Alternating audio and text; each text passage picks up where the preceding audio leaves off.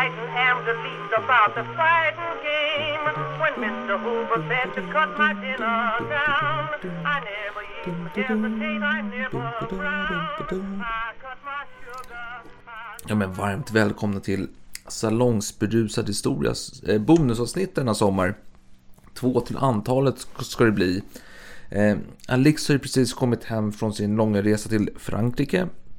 Men som vi alla vet så är fransmän inte kända för att anstränga sig.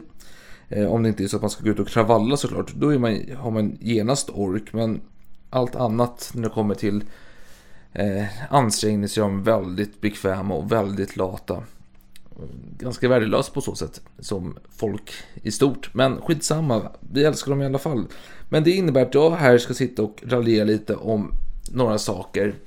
Och eh, jag tänkte faktiskt denna gång raljera om en, eh, hör och häpna, en fransk historia. Och vi får oss tillbaka till 1700-talets mitt. Då har vi en liten herre som heter Antoine Dupré bland oss en fransk gosse. Då. Han föddes 1723 eh, och eh, fick eh, som ung, i ung ålder då, blev han lärjunge till en eh, guldsmed i byn. Han höll på med lite kemistgrejer, så här, skön typ. Men han höll på att blanda lite vätskor fram och tillbaka. Och då helt plötsligt fick han till liv en eld.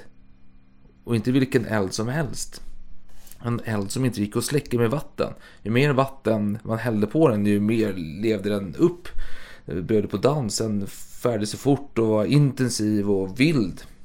Och det påminner lite om den grekiska elden, den här mytomspunna elden som bysanterna hade till sitt förfogande när, när araberna kom och skulle invadera bysantiska riket. Konstantinopel till exempel. Och då, hade, då kom de med sin stora flotta där, araberna. Och då lurade man in dem ganska nära hamn. Sen skickade man ut sina små jävla båtar vad man hade. Och sen avlossade man en eld som var så djävulsk och infernalisk. Så ja, den spred sig och kunde inte släcka den. Och sänkte hela flottan då. Den arabiska flottan. Och den kom ju själva Själva elden kom ju till Konstantinopel tack vare en syrisk, kristen syrisk man då, som hade flytt araberna tidigare. Och han hade med sig det här medlet. Och nu när man tänker på det så låter det ganska mycket likt som det här Game of Thrones avsnittet. Det är inte någonting med eld där.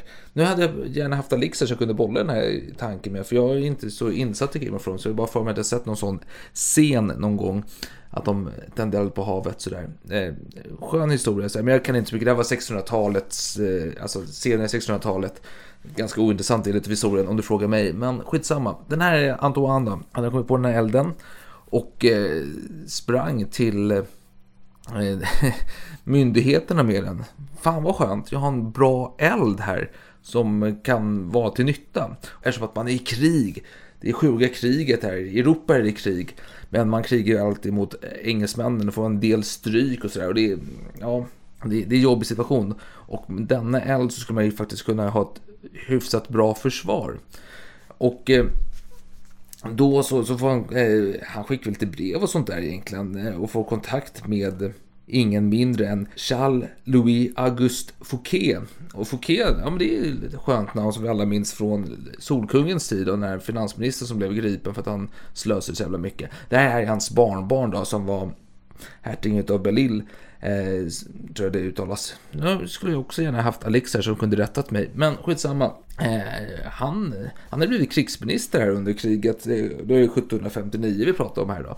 Eller om det var 58, jag minns inte exakt. Och eh, han tyckte det här var ju det här är en cool grej du har. Varför, var, varför inte? Varför inte? Eh, så han eh, sätter, eh, ja fan det här, Antoine han får komma till eh, Versailles och testa sina saker eh, där då. Och eh, även, jag tror att även det är någon annan som är inblandad också. Jag, jag tror att det är François Henri Dacour som blir inblandad. Eh, general och stor herre på den tiden. Som hade den goda smaken att fly franska revolutionen. Han sprang iväg illa kvickt. Men sen när Ludvig den 18 eh, klev på tronen så kom han tillbaka som en lydig royalist. Eh, men och eh, här får man ju testa. Han visar ju upp det, det han har åstadkommit av den här goda Antoine. Då, och det är, det är en eld som sprider sig snabbt och farligt och intensivt. Och han gör lite experiment för man måste ju skala upp detta. Han har ju stått i sitt lilla hemmalabb här, gjort kanske några droppar hit och dit. Men nu ska man göra lite större skala. Du ska kunna sänka skepp och skit här. Fan, det, är, det är viktigt. Så han håller på och experimenterar. Och han visar upp sin, det han har kommit fram till då. Och eh, ja, elden sprider sig. Alltså, det, det han har gjort, det är att han har gjort en, eh, en, eh, en han fyllt sin vätska i en glasflaska och så han eh, stoppar ner tyg eller papper och tänder på och kastar iväg den. Då. Och så när den krossas och bara explosionsartat. Då. Det är ungefär, det, det, eller det är en molotovcocktail alltså, fast 200 år tidigare då, så den borde kanske heta Antoine Dupré cocktail, eller Dupré cocktail kanske den borde heta egentligen, istället för molotov cocktail. Eh, om man ska vara helt ärlig sådär. Men eh, han testar den och den har effekten sprider sig illa kvickt över hela vattnet där i kanalen, vad fan de testar någonstans, i en sjö. Men, men, så fort den nuddar jord eller mur, alltså tegel och skit, då dör den. Och eh, ja, det blir lite sura eh, miner här, framförallt på François Henri Dacour. Han tycker oj, det här var inte bra, det, det är ingen nytta. Men eh, Antoine Dupré, han är jävligt eh, ivrig här, så han, han fortsätter gnugga på denna. Och eh, man testar och kastar den här saken, men de här granaterna har, de går inte, man kan inte kasta så långt och då behöver man ju åka med eh, eh små skepp nära fienden och kasta på dem för att komma nära. Vilket eh, bysanterna, om jag inte minns helt fel, gjorde mot araberna. Då. Men eh, franskarna har ju, de har hjärtan utav guld som vi alla vet eh, kanske. Eh, så de tänker, men vi kan inte spilla liv onödan. Det är för stor risk för mina soldater att åka så nära dit. Så vi behöver hitta på en eh, katapult, tyckte François Henri Darcoura. Och eh, Antoine Dupré, han var fan inte sugen på det. Han hade en annan tanke. Han tänkte sig att eh, katapult kommer inte funka bra. Jag har en pump. Jag ska få hit en pump från Paris som jag har beställt. Och med pumpen kan vi pumpa ut den här vätskan hela tiden. Och det kommer bli skitbra. Och François Henri Darcoura han tycker, åh, pump. Det finns risker med en pump. Eh, jag vet inte vilka risker kanske är att den, ja, att eh, elden leds tillbaka till skeppen och så vidare genom pumpen. Den ska ständigt pumpa ut ny vätska. Något sånt kanske. Eh, så jag tycker det är en dålig idé. Och nu är man i Le Havre då och eh, gör tester. Och eh, även, det sägs då i någon skrift, dåtida skrift att att soldaterna, även de mest eh, modiga soldaterna, blev skärrade likt riddarna när krutet kom. Eh, så det var stora saker här på G. Och eh, till slut så fick eh, Antoine upp sin lilla, vad kan man säga, pump då och testa. Och man lyckades, ja, man, man, man gjorde, ställde upp lite skepp då till vattnet och körde igång den här skiten. Och det gick ju bra liksom. Du kom 15, ja, jag vet inte om det var meter, eller man kom en bit på vägen i alla fall. Men man kom inte så mycket längre än det. Så man behövde utöka avståndet så att säga. Och eh, här någonstans så börjar Antoine Dupré försvinna från eh, de styrandes blickar lite. Eh, François Henri Darcoura, han, han har ju, han, han, är, han är, en katapult skulle ju funka skitbra för detta. Så man håller på att konstruera en katapult som kan kunna slänga iväg förut de här Dupré-granaterna eller Dupré-cocktailsna, eller vad vi ska kalla dem för. Och eh, efter ett tag så lyckas man skapa en sån, men de är förbaskat dåliga. Det ger inte alls något bra resultat. Så man helt enkelt begraver denna idé. Och eh, det är väl lite... Här går väl lite historierna isär om man säger så, vad det var som faktiskt skedde. Men en historia är i alla fall att eh, Ludvig XV som var konung på den tiden, han fick höra talas om detta helt plötsligt från ingenstans. Oj, oj, oj, ett massförstörelsevapen och han fick veta dess konsekvenser, hur det kunde bli, hur mycket lidande det kunde eh, skapa för mänskligheten i stort. Så tyckte han, oj, oj, aj, Peppe. Så han eh, tillkallade sig Antoine Antoine Dupré till sitt rum och Antoine skulle ta med sig all, alla anteckningar och dagböcker och allt han skrivit om ämnet. Och så Eh, kungen tag i allting, slängde in i elden utan att titta på det. Och sa till Antoine att han aldrig mer får nämna detta för någon annan. Och så fick han en pension på 2000 livre och sånt där. Samt en order också. Samt Mikaels order, något sånt där franskt skit. Eh, och så skulle han ja, flytta till någon annan ort. Han skulle hålla käft om detta då. Eh, I all evighet.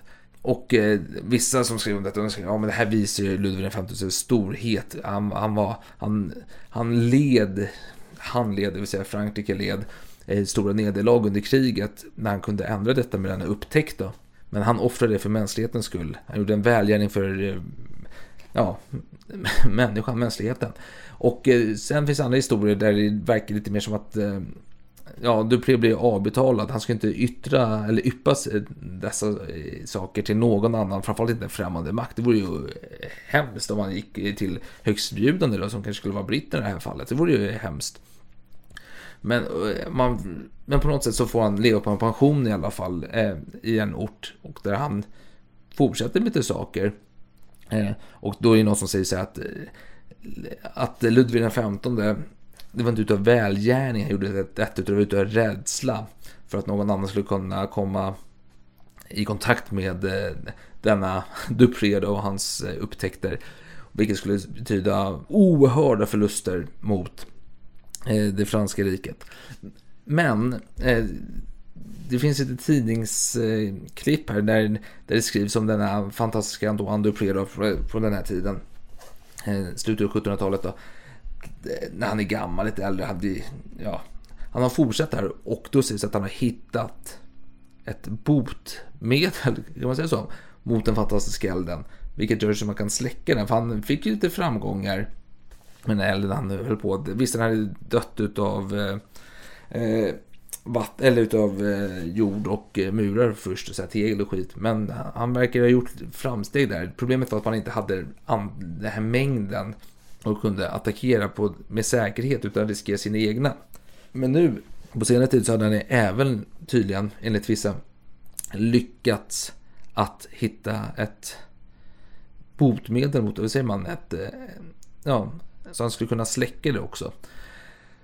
Och det var ju synd. Men han dog där i alla fall. Han hade bevakning resten av livet. Två spioner där som, eller agenter som var på honom hela tiden och bevakade honom så att han inte skulle träffa någon skön brittisk herre och eh, yppa sina hemligheter. Så han dog där och det sägs att han dog eh, smått eh, galen år 1772. Då, då. Så det här var en kort liten historia om hur Ludvig den 15 välgörande, den fredlige, den snälle, den fantastiska, den gode. Hur han stoppade massförstörelsevapen i sin tid. Det är en fin historia. Men för er som fortfarande har semester som inte gått tillbaka till arbetet önskar jag en fortsatt fin semester. Till er som är i arbete önskar jag en trevlig fortsättning. Eller vad man kan säga. Hoppas ni har ett kul arbetsliv. Men oavsett hur er situation ser ut, skål med fan!